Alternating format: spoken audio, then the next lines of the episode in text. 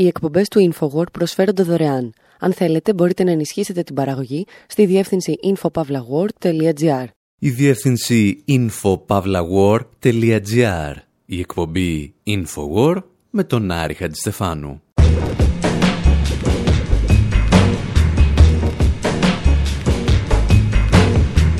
Όπου σήμερα διηγούμαστε ιστορίες για αγοραίους έρωτες στα χρόνια της χολέρας. Σκεφτόμαστε ότι να πιάσεις ένα στέλεχος ανθρωπιστικής οργάνωσης στην IT παρέα με ιερόδουλες εν μέσω επιδημίας χολέρας είναι αρκετά κακό. Κάποιος όμως πρέπει να θέσει και δύο ακόμη ερωτήματα. Γιατί η χώρα έχει τόσες ιερόδουλες και κυρίως γιατί έχει χολέρα.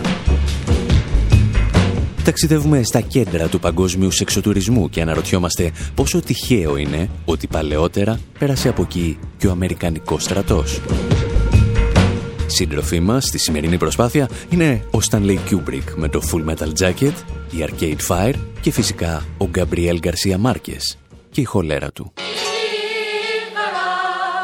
Yeah. Yeah. And what the people say, we wanna live it up. And what the people want, please deliver on. And what the people need, hey. I got that, yeah. I call these rappers baby seals cause they club you to death. I can call them Navy SEALs cause they government feds. What become of the vets? They drugged up, they up, they in debt. There ain't no love and no respect. It's like a gang, it's like a club or a set. Hip hop, the new WWF. What do you rap and do you wrestle? Love to forget. We got till it's born. You think you're on, you still hustling back with your topical norm. A tropical storm at the disaster. Back to the topic we on. It all started at raucous. They couldn't find the words to describe me, so they resort to the shortcuts to see your backpacker, to see your man rapper, and entertain the the author of the last chapter. We living in these times of love and cholera, synonymous with the apocalypse. Look up the clouds, it's ominous. We got maybe 10 years left, say meteorologist. We still waiting for the Congress to acknowledge this. What the people want, please deliver us. We wanna live it up, please deliver us. Gospel. I'm reaching through the fire, please deliver us. You preaching to the choir, please deliver us. Just keep it real with us. Just get to blood. Words run hollow. You need someone to follow. You ain't promised tomorrow, so get your paper up. You can't always just borrow and ask for favors, bruh. Stand on your own too, never cover the neighbor stuff. Karma's the watch your mouth for what you're saying, bruh. I start a conversation based on general observation. Hip hop is not a nation, take it to population. Got a lot to say when locked inside the belly of Satan, awaiting trial, debating how the hell I got placed in this system. Am I a victim or just a product of indoctrination? They exploited and used me like a movie with product placement. You hear the congregation? This is the hostile gospel. The truth is hard to swallow, it'll leave you scarred tomorrow. Keep it honest, our motto. These keep it bottled. I'm the writer who reached the fighters like speeches by custom model. DJs stick it to vinyl like Serato supplies ride around the block in the custom models, ballin' like they struck the lotto. You know who the cleanest is. Keep it rich with the stitch and greedy genius is. I'm not a hipster, but I flip it like a sneaker pimp. Expose the game, treat it like a smack fire out these cause they snitch and tap. Wise while I plead the fifth. Can't trust a soul in this beer, so be careful who you eating with and sleeping with, and also who you cheaping with. You never know they might have added in secret ingredients. What the people want, please deliver us. We wanna live it up,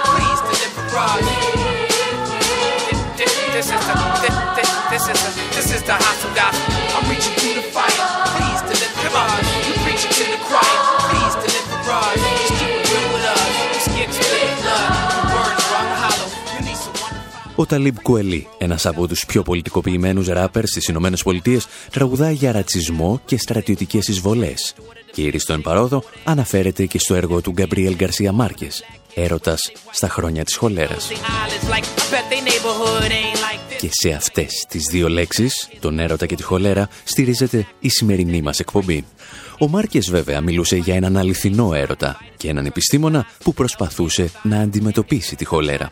Εμείς πάλι θα μιλήσουμε για αγοραίο έρωτα και ορισμένους κυρίους που προκαλούν πανδημίες χολέρας. The aid agency Oxfam is denying it covered up allegations that some of its senior employees paid for sex in Haiti. Εδώ και αρκετές εβδομάδες βρίσκεται σε εξέλιξη ίσως η μεγαλύτερη κρίση που έχει αντιμετωπίσει η οργάνωση Oxfam, μια ομπρέλα 19 μη κυβερνητικών οργανώσεων με έδρα το Λονδίνο. Και αυτή τη φορά το θύμα ήταν ο ίδιος της ο εαυτός.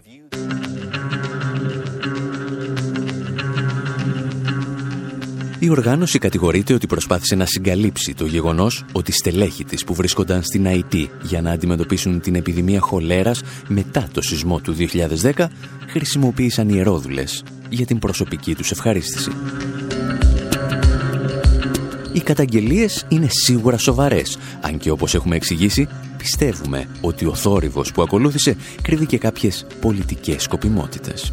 Αυτά όμως μπορείτε να τα διαβάσετε στο site μας info.pavlawar.gr γιατί σήμερα θέλουμε να θέσουμε ένα ερώτημα που σχεδόν κανένας δεν θέλησε να θέσει. Τι ήταν αυτό που σκότωσε τον έρωτα και γέννησε τη χολέρα στην Αϊτή; Στη Δύση έχουμε συνηθίσει να αντιμετωπίζουμε την μαζική πορνεία και τις επιδημίες χολέρας σαν φυσική καταστροφή. Κάτι που θεωρούμε σχεδόν δεδομένο ότι θα συμβαίνει σε χώρες του τρίτου κόσμου. Και έτσι θέλουμε να μην σκεφτόμαστε ότι και για τα δύο αυτά φαινόμενα ευθυνόμαστε εμείς. Για να δούμε λοιπόν συγκεκριμένα τι συνέβη στην IT, θα μας επιτρέψετε να σας επιστρέψουμε μερικές δεκαετίες πίσω. Το ρεπορτάζ έχει το συγκρότημα Arcade Fire.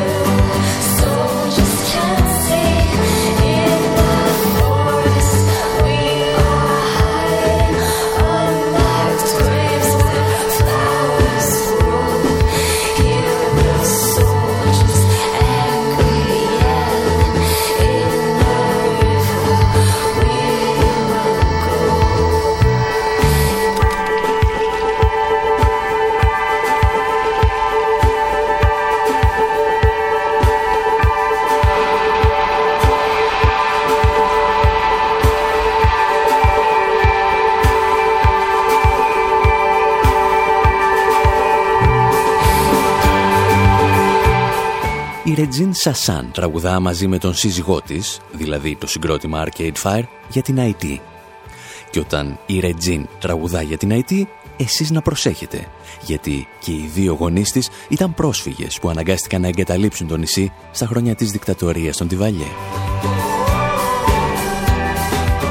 Τα αδέρφια μου που δεν γεννήθηκαν ποτέ στοιχιώνουν τις νύχτες των Τιβαλιέ, τραγουδούν οι Arcade Fire. Όλοι μας οι νεκροί σχηματίζουν ένα στρατό και σύντομα θα καταλάβουμε και πάλι τη γη. Συνεχίζουν.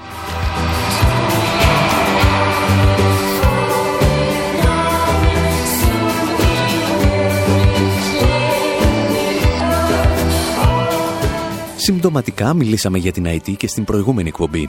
Είδαμε πώς πραγματοποιήθηκε η πρώτη επιτυχημένη εξέγερση σκλάβων στην ιστορία και πώς οι Γάλλοι απεικιοκράτες τιμώρησαν τον ηγέτη της εξέγερσης, τον Τουσέν Λουβερτούρ. Όλα αυτά δηλαδή που συνέβαιναν πριν η χώρα περάσει στην επιρροή των Ηνωμένων Πολιτειών.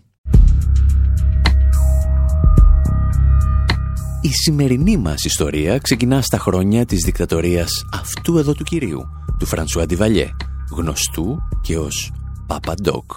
Je n'avais pas d'argent et j'avais toutes les forces réactionnaires contre moi. L'armée, ο Παπαντόκ θα διατηρήσει την εξουσία του διατάζοντας τους πρετοριανούς του να βιάζουν και να λαιλατούν τις πόλεις και τα χωριά της Αιτής. Η εξουσία του όμως είναι πραγματικά εξασφαλισμένη μόνο για όσο διάστημα δεν αμφισβητεί την επιρροή της Ουάσιγκτον. Όταν θα παραδώσει την εξουσία στον γιο του, Ζαν Κλοντ Βαλιέ, γνωστό και ως Baby Doc, η IT μετατρέπεται σε κόμβο για το παγκόσμιο εμπόριο ναρκωτικών και με εξαίρεση ορισμένες μικρές αψιμαχίες με την Ουάσιγκτον, η οικογένεια Ντιβαλιέ ζει καλά και η υπηκόη της χειρότερα. Μόνο που το 1986 οι σκλάβοι εξεγείρονται και ο Baby Dog αναγκάζεται να φύγει νύχτα, παίρνοντας μαζί του και μια τεράστια περιουσία.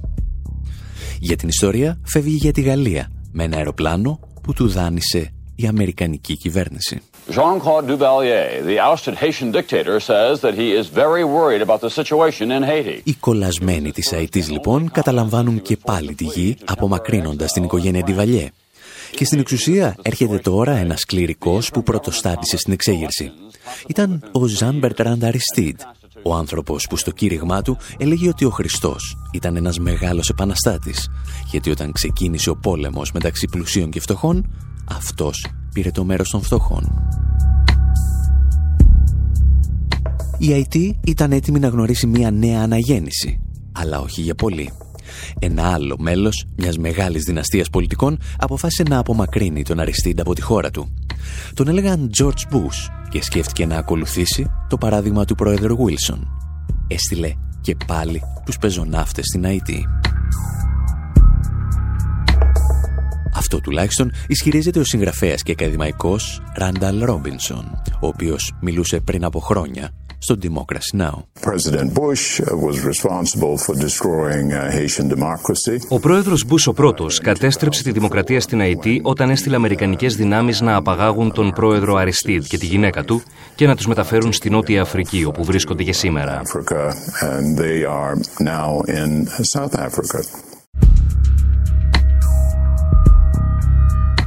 Για να ανακεφαλαιώσουμε.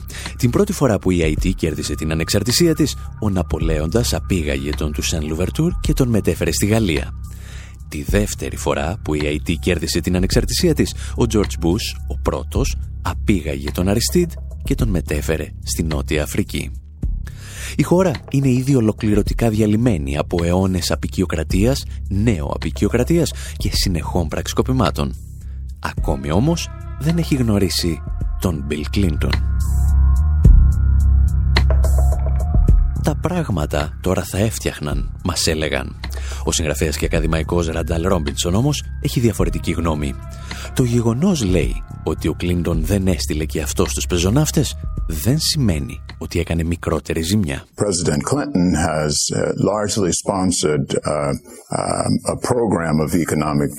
Ο πρόεδρος Κλίντον υποστήριξε ένα πρόγραμμα οικονομικής ανάπτυξης το οποίο ενίσχυσε τις βιομηχανίες που χρησιμοποιούν τους εργαζόμενους σαν μισθωτούς σκλάβους. Σήμερα οι εργαζόμενοι στην ΑΕΤ βγάζουν 38 cents του δολαρίου την ημέρα. Τα χρήματα που κερδίζουν δεν αρκούν ούτε για το φαγητό τους ή για τα εισιτήρια που χρειάζονται για να πάνε στη δουλειά τους. Αυτό όμως ήταν το οικονομικό πρόγραμμα που υποστήριξε ο πρόεδρος Κλίντον.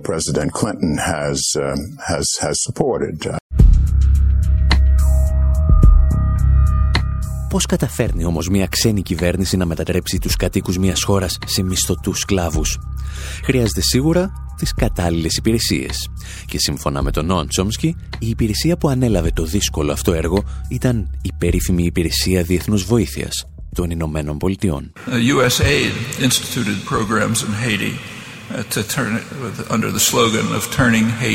η Υπηρεσία Διεθνούς Βοήθειας των Ηνωμένων Πολιτειών εισήγαγε την ιερή αρχή του συγκριτικού πλεονεκτήματος με στόχο, όπως έλεγα, να μετατρέψει την ΑΕΤ σε μια νέα Ταϊβάν. Αυτό πρακτικά σημαίνει ότι η ΑΕΤ ήταν υποχρεωμένη να εισάγει αμερικανικά προϊόντα, ενώ οι εργάτες και κυρίως οι γυναίκες έπρεπε να εργάζονται σε συνθήκες σκλαβιά σε εργοστάσια αμερικανικής ιδιοκτησίας.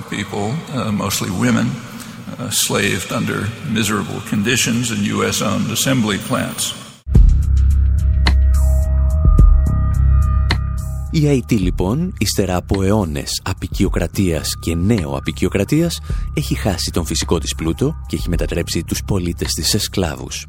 Αλλά εμείς οι δυτικοί δεν λέμε να την αφήσουμε σε ησυχία. Μένει ένα τελευταίο βήμα για την απόλυτη καταστροφή. Να αναγκάσει τη χώρα να ακολουθήσει τις συμβουλές διεθνών οργανισμών όπως το Διεθνές Νομισματικό Ταμείο και η Παγκόσμια Τράπεζα και έτσι να ενταχθεί στον μαγικό κόσμο του ελεύθερου εμπορίου. Ελεύθερο εμπόριο, εάν δεν θυμάστε, ονομάζουμε εκείνο το σύστημα όπου εάν έχεις τη δύναμη προστατεύεις τα προϊόντα σου με δασμούς και αν δεν την έχεις, δεν το κάνεις. Αν τύχει να είσαι από την πλευρά των ισχυρών και δουλέψεις συστηματικά, μέσα σε λίγα χρόνια έχεις εξασφαλίσει ότι στις φτωχές χώρες θα ξεσπάσουν οι πρώτες εξεγέρσεις λόγω έλλειψης τροφίμων.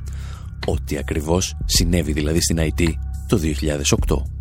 Τα εξηγούσε τότε, μιλώντας στον Democracy Now, ο Ραζ Πάτελ, πρώην στέλεχος της Παγκόσμιας Τράπεζας. Ένας από τους λόγους για τους οποίους βλέπουμε εξεγέρσεις για τρόφιμα είναι ότι οι χώρες που πλήττονται, από την Αετή και τη Σενεγάλη μέχρι την Ινδία, είναι εγκλωβισμένες σε ένα διεθνές οικονομικό σύστημα που τις αναγκάζει να εισάγουν τρόφιμα. Αυτό οφείλεται στην πολιτική χωρών όπως οι Ηνωμένες Πολιτείες, που εξαναγκάζουν άλλες χώρες να μειώσουν τους δασμούς και την προστασία των αγροτών. Βλέπουμε λοιπόν ότι οι χώρες με το μεγαλύτερο πρόβλημα είναι αυτές που υιοθέτησαν με μεγαλύτερο ενθουσιασμό το ελεύθερο εμπόριο.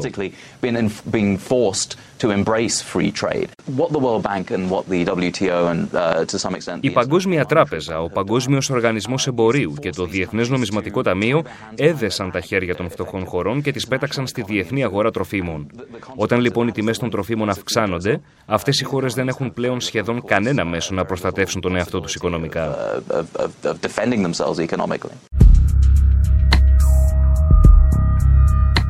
Είμαστε λοιπόν απόλυτα έτοιμοι να υποδεχθούμε την απόλυτη καταστροφή. Χρειάστηκαν μερικοί αιώνες, αλλά τα καταφέραμε. Πήραμε ίσως την πλουσιότερη χώρα της Καραϊβικής και την μετατρέψαμε σε ένα διεθνή παρία, χωρίς επαρκή τρόφιμα, με ασταθή κυβέρνηση και εργαζόμενους που κερδίζουν 38 cents του δολαρίου την ημέρα, δουλεύοντας σαν σκλάβοι. Και τώρα δεν απομένει παρά να περιμένουμε τη μητέρα φύση να ολοκληρώσει το έργο μας και να φέρει στην IT τον αγοραίο έρωτα στα χρόνια της χολέρας. Αυτά όμως μαζί με μερικές ακόμη ιστορίες σεξοτουρισμού θα τα συζητήσουμε στο δεύτερο μέρος της εκπομπής. Μέχρι τότε να θυμάστε ότι μας βρίσκεται καθημερινά στη διεύθυνση info.pavlawar.gr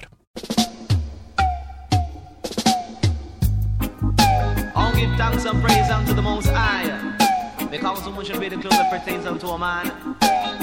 Because all these things are abomination to the Lord God. Yeah. Cause every day the girls dress up in a trousers. I say, what happened to your skirts and blouses? Why can't I man see you in your dresses? Cause these things unto judge and all pleases. And every day them a worship vanities. And your greatest lust is jewelries. Mind you lick you with diseases. Hey, mind you lick you with diseases. Hey, uh, the most dangerous diseases. I said the most dangerous diseases. I'm talking like the elephantitis. The other one is the polomyelitis. Arthritis and the one diabetes. You see, cause every day that I turn the Bible pages. From Proverbs forward to Genesis. From Revelation to Ecclesiastes. But let me tell you, say me wisdom increases. And the loss of the world it decreases. While every day man I build explosives. The corruption of the world it exposes. Mind jolly cure with diseases. Hey, mind jolly cure with diseases. I said the most dangerous diseases. I said the most dangerous diseases. I'm talking like the elephantitis. The other one is the polomyelitis. Arthritis and the one diabetes. You see, while the stars that shines from the galaxies, and it shines on human faces. Hear the cry of the Israelite voices, who once led by the man Moses. Jah, we need your advices. Hey, help us out of the crisis. Hey, John, we need your advice. Eh? Hey, help us out of the crisis. You see, every day the girls dress up in a trousers. I say, what happened to your skirts and blouses? Why can't I man see you in your dresses? Cause these things and to judge are not pleases. And every day them a worship vanities. And your greatest lust is jewelry. Hey, Jah, you feel it them with diseases. John, you feel it them with diseases. Arthritis and the most dangerous diseases I talking about the dangerous diseases I talking like the yellow infantitis The other one is the polioitis. Arthritis and the one diabetes. You see, every day that I turn the Bible pages. From Proverbs forward to Genesis. From Revelation to Ecclesiastes. But let me tell you, say my wisdom increases. And the loss of the world it decreases. Every day man I build explosives. The corruption of the world it exposes. Mind you lick you with diseases. Hey, mind you lick them with diseases. Hey, and you feel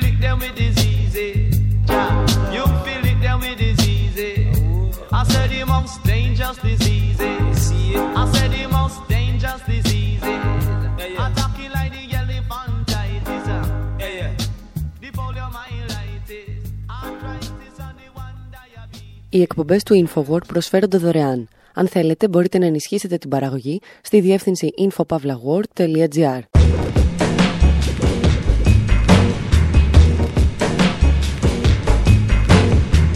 Εκπομπή Infowar, μέρος δεύτερο όπου εξετάζουμε πώς μπορείς να βυθίσεις μια χώρα στον αγοραίο έρωτα στα χρόνια της χολέρας και έχουμε πιάσει σαν παράδειγμα την IT. Είδαμε δύο αυτοκρατορίες να ελεηλατούν για αιώνες στο νησί της Καραϊβικής και είχαμε αφήσει την ιστορία μας στις εξεγέρσεις για τρόφιμα του 2008. Η μεγάλη καταστροφή όμως θα έρθει με τον σεισμό του 2010. Και όπως έχουμε πει, ένας σεισμός δεν είναι φυσική καταστροφή. Ο σεισμός είναι φυσικός και η καταστροφή έρχεται από την αδυναμία του ανθρώπου να τον αντιμετωπίσει. Nou tout se Haitien nou ye. Haiti pap jam nou ye. Nou pral kampe, nou pral bay li fos. Haiti! Ansem agison pou Haiti. Un petit geste derrière peut tout changer. Mais faut-il qu'on attende que la terre tremble, que la terre s'ouvre? Que nos cœurs s'ouvrent aussi Au nom de Dieu, le miséricordieux, car la terre est odieuse par ici. Je n'ai Dieu que pour Haïti. Oh Haïti, qui ça ne fait n'a payé Même si nous loin souffrance n'en partager Comment, au milieu de cette désolation, rester insensible à ces regards d'enfants En pile di, Haïti maudit, c'est pas vrai. Haïti, tu renaîtras de tes cendres. Mes paroles ne valent rien devant ceux présents sur le terrain. Haïti, c'est qui en moi de vous tous, on a besoin. Ensemble, agissons pour Haïti.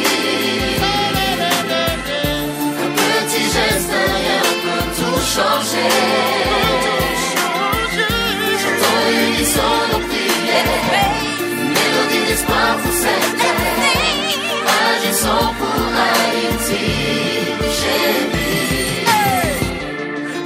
Être d'un même pays pour se mobiliser Faut-il être d'une même couleur pour se On sentir vient chanter concerné? l'unité pour Haïti où le temps s'est arrêté. Même irrité, on milite de notre amour. Haïti a hérité. C'est pour toi, Haïti chérie, que je chante aujourd'hui. Pour le peuple haïtien, oh oh oh, une action, un soutien, un espoir pour que jamais on ne vous Il abandonne. est dur de croire que Dieu a le pouvoir sur autant de vies. Chamberet, pas moli. Ils ont besoin de nous, de vous, foncez ou balle. Το Ingest pour Haiti που ακούτε όλη αυτή την ώρα είναι ένα από τα δεκάδες τραγούδια που γράφτηκαν για την Haiti μετά τον καταστροφικό σεισμό του 2010. Ένας τρόπος για εμάς τους δυτικούς να πούμε πόσο λυπόμαστε. Ο Γκέλαδος θα αφήσει πίσω του δεκάδες χιλιάδες νεκρούς. Οι υποδομές αντιμετώπισης μιας τέτοιας κρίσης ήταν ανύπαρκτες, όπως άλλωστε και τα τρόφιμα που χρειάζονταν εκείνες τις στιγμές. Το ερώτημα όμως είναι γιατί υπήρξαν τόσες δεκάδες χιλιάδες νεκροί σε μία πόλη; Η απάντηση δυστυχώς είναι και πάλι πολιτική. Γιατί οι άνθρωποι που στηβάζονταν στις παραγκουπόλεις, στους λόφους της πρωτεύουσας δεν πήγαν εκεί λόγω της όμορφης θέας. Πήγαν γιατί κάποιοι τους ανάγκασαν. Και αυτοί οι κάποιοι είχαν έρθει και πάλι από το εξωτερικό. Αυτό τουλάχιστον υποστηρίζει ο Μπράιαν Κόκακον, διευθυντής του προγράμματος δικαιοσύνης και δημοκρατίας στην ΑΕΤ.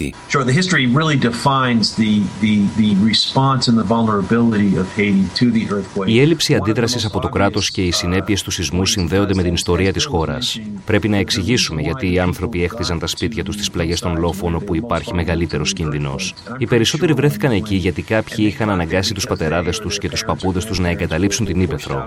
Διάφοροι ειδικοί από το εξωτερικό έπεισαν την ΑΕΤ πριν από 30 χρόνια ότι για να σωθεί οικονομικά πρέπει να δημιουργήσει μεγάλες αλυσίδες παραγωγής. Και για να λειτουργήσουν αυτές οι βιομηχανίες έπρεπε να συγκεντρωθεί εργατικό δυναμικό στις πόλεις. Για το λόγο αυτό τέθηκαν σε εφαρμογή πολιτικές που είχαν ως στόχο να μεταφέρουν τον κόσμο από την Ήπεθρο σε συνοικίες όπως η Μαρτισάτ και στους γυρολόφους, τις περιοχές που είδαμε τις καταστροφές στι φωτογραφίε.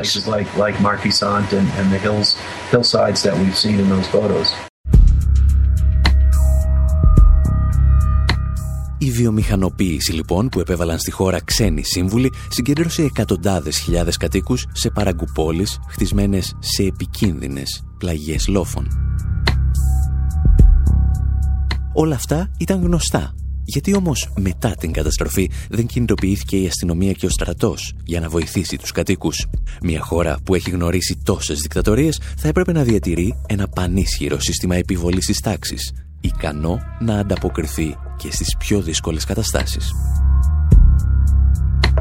Και πάλι λάθος, γιατί η IT πάντα με υποδείξεις ξένων συμβούλων είχε φροντίσει να ιδιωτικοποιήσει τα πάντα, με έναν μάλλον περίεργο τρόπο. Τα εξηγούσε ο Μπιλ Κούγκλεϊ, διευθυντής του Ιδρύματος για τα συνταγματικά δικαιώματα στην ΑΕΤ.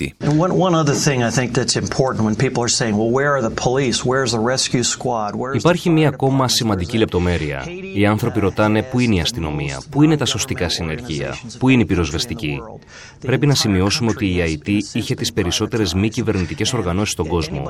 Κατά μία έννοια, ολόκληρη η χώρα ιδιωτικοποιήθηκε. Όποιος είχε επισκεφθεί την ΑΕΤ έμενε έκπληκτος από τα γιγαντιαία SUV που μετέφεραν στρατιώτες των Ηνωμένων Εθνών. Σχεδόν όποια οργάνωση αρρωγής είχατε ακούσει στη ζωή σας βρισκόταν στην ΑΕΤ. Ενώ λοιπόν προσέφεραν έργο, υποκατέστησαν το δημόσιο τομέα, ο οποίος πλέον δεν είχε καμία ισχύ, δεν είχε σχέση με τον απλό κόσμο. Η παρουσία των μη κυβερνητικών οργανώσεων λοιπόν είχε και αυτή την αρνητική πλευρά.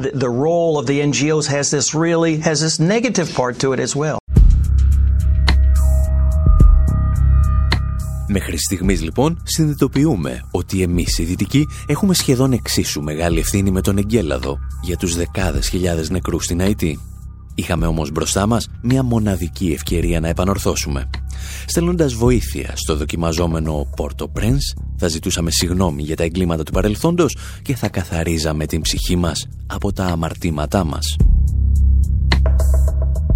Μόνο που και εδώ επικράτησαν δύο διαφορετικές λογικές. Λίγα 24 ώρα μετά την καταστροφή απογειώθηκαν δύο αεροσκάφη από διαφορετικά σημεία του πλανήτη με κατεύθυνση την IT. Το πρώτο ξεκίνησε από την μακρινή Κίνα. Μετέφερε φάρμακα, είδη πρώτης ανάγκης και γιατρούς. Το δεύτερο αεροσκάφος απογειώθηκε από τις Ηνωμένες Πολιτείες. Σύμφωνα με το επίσημο ανακοινωθέν, ήταν ένα κατασκοπευτικό αεροσκάφος, το οποίο πέταξε πάνω από το Πόρτο για να αξιολογήσει την κατάσταση. Και αφού οι επιτελείς του Πενταγώνου αξιολόγησαν την κατάσταση, ο πρόεδρος των Ηνωμένων Πολιτειών αποφάσισε να στείλει στην ΑΕΤ 10.000 στρατιώτες. Ένας μάλλον μεγάλος αριθμός, αν σκεφτεί κανείς ότι το 1915 ο πρόεδρος Βίλσον για να καταλάβει ολόκληρη τη χώρα είχε στείλει μόλις 300 πεζοναύτες. Οι στρατιωτικές δυνάμεις όμως των Ηνωμένων Πολιτειών και των Ηνωμένων Εθνών καθώς και οι δεκάδες μη κυβερνητικές οργανώσεις θα φέρουν μαζί τους και κάποια άλλα στοιχεία. Την εκτεταμένη πορνεία και τη χολέρα. Αυτά όμως θα τα συζητήσουμε ύστερα από λίγο.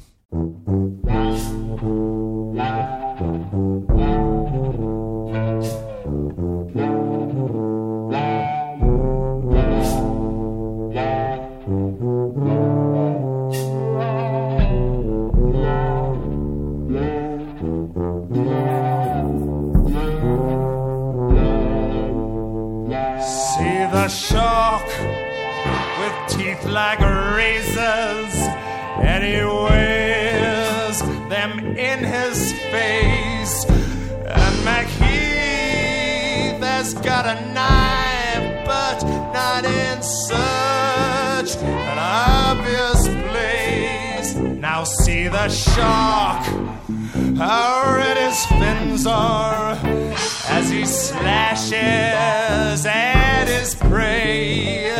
Oh, Mac the knife. rich, give the minimum away by the Thames, turbid waters, Men abruptly tumbled.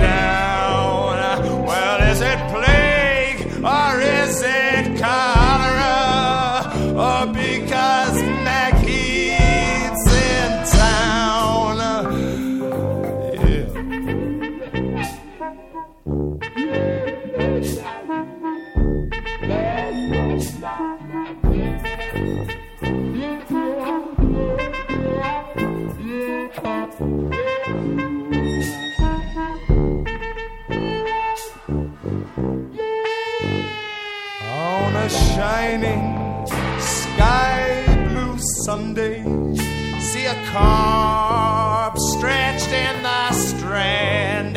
We'll see a man dodge round the corner. Maggie's friends will understand. And Schulmeyer, posted missing, were like so many wealthy men. box. God knows how and God knows when. Oh, Jenny Towler turned up lately with a knife stuck through her breast. While Mackie walks the embankment nonchalantly unimpressed. Where Alphonse, delete the cabman. Well, who can get that story clear? Well, someone may lay information, but McHeath has no.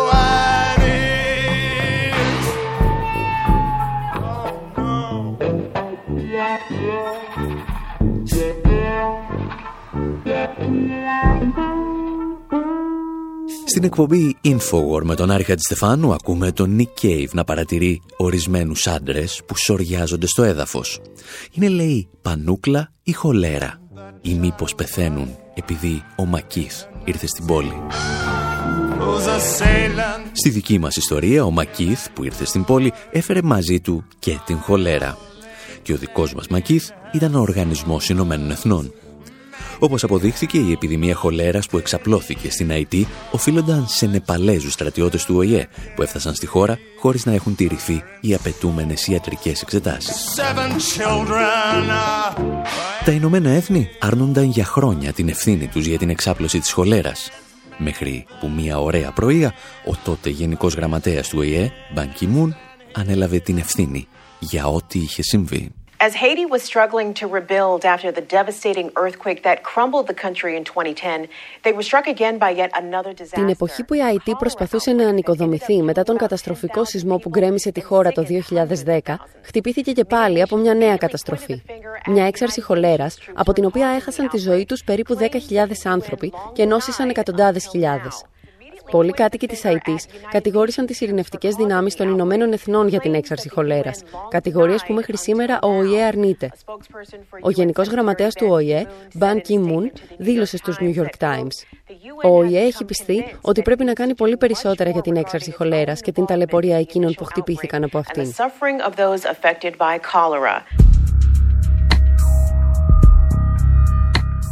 Η επιδημία χολέρας λοιπόν, μια ασθενεία που δεν είχε εμφανιστεί στην ΑΕΤ για μισό αιώνα, επανήλθε μαζί με την ανθρωπιστική βοήθεια του ΟΗΕ.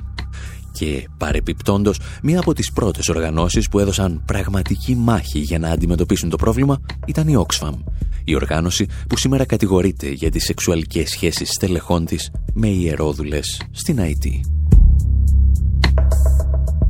Γεγονός που μας φέρνει στο δεύτερο ερώτημα αυτής της εκπομπής για τον αγοραίο έρωτα στα χρόνια της χολέρας. Εάν την χολέρα την έφερε στη χώρα ο ΙΕ, ποιος ήταν αυτός που μετέτρεψε ολόκληρες περιοχές της Αϊτής σε ένα μεγάλο οίκο ανοχής; Η απάντηση που συνήθως δίνουμε σε αυτές τις περιπτώσεις, δηλαδή η φτώχεια, δεν αρκεί. Η ΑΕΤ αποτελούσε ομολογουμένος κέντρος εξωτουρισμού από τη δεκαετία του 70, κυρίως για παιδεραστές που έρχονταν από τις Ηνωμένες Πολιτείες και την Ευρώπη. Το φαινόμενο όμως θα πάρει τρομακτικές διαστάσεις μετά το σεισμό του 2010.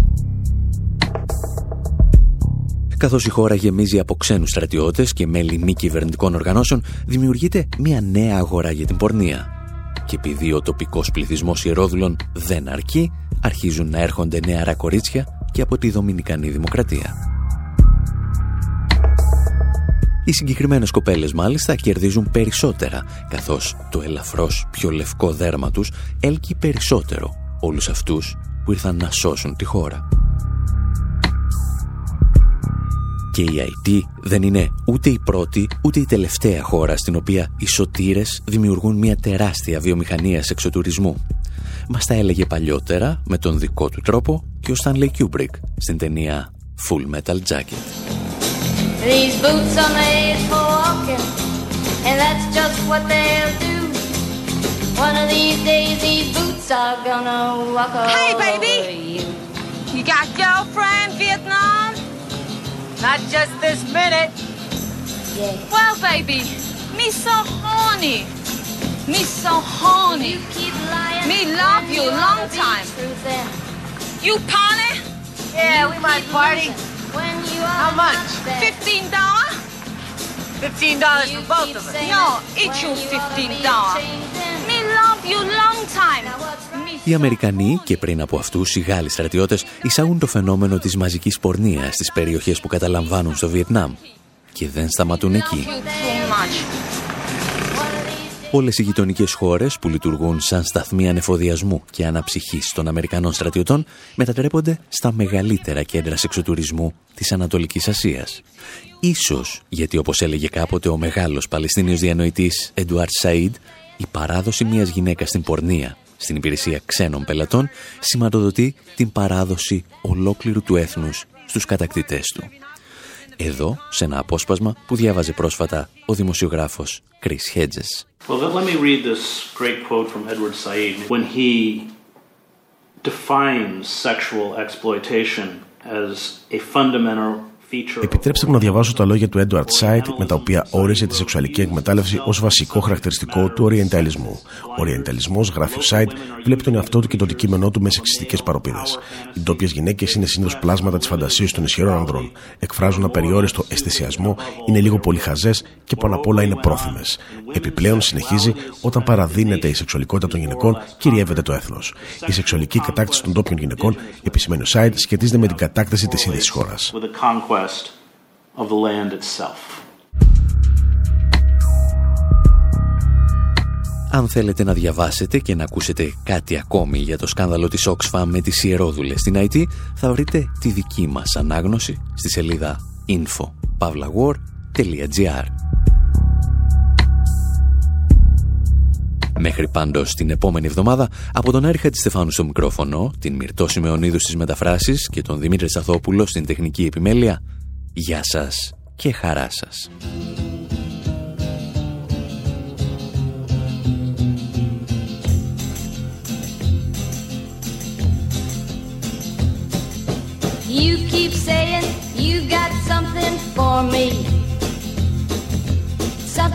You love but confess.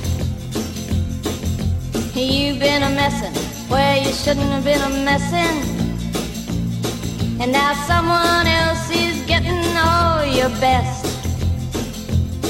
These boots are made for walking, and that's just what they'll do.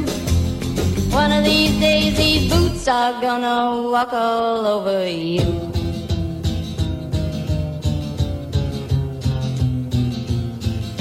Yeah. You keep lying when you ought to be truthing. And you keep losing when you ought to not bet. You keep saying when you ought to be a changing. Now what's right is right, but you ain't been right yet. These boots are made for walking, and that's just what they'll do. One of these days, these boots are gonna walk all over you.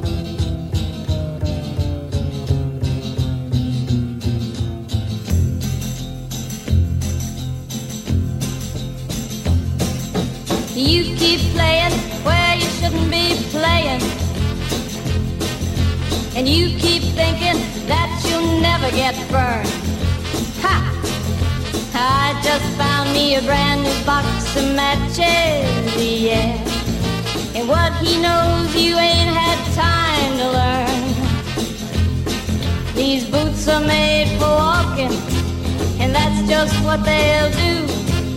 One of these days, these boots are gonna walk all over you.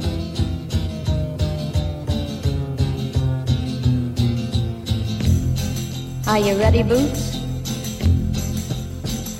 Start walking.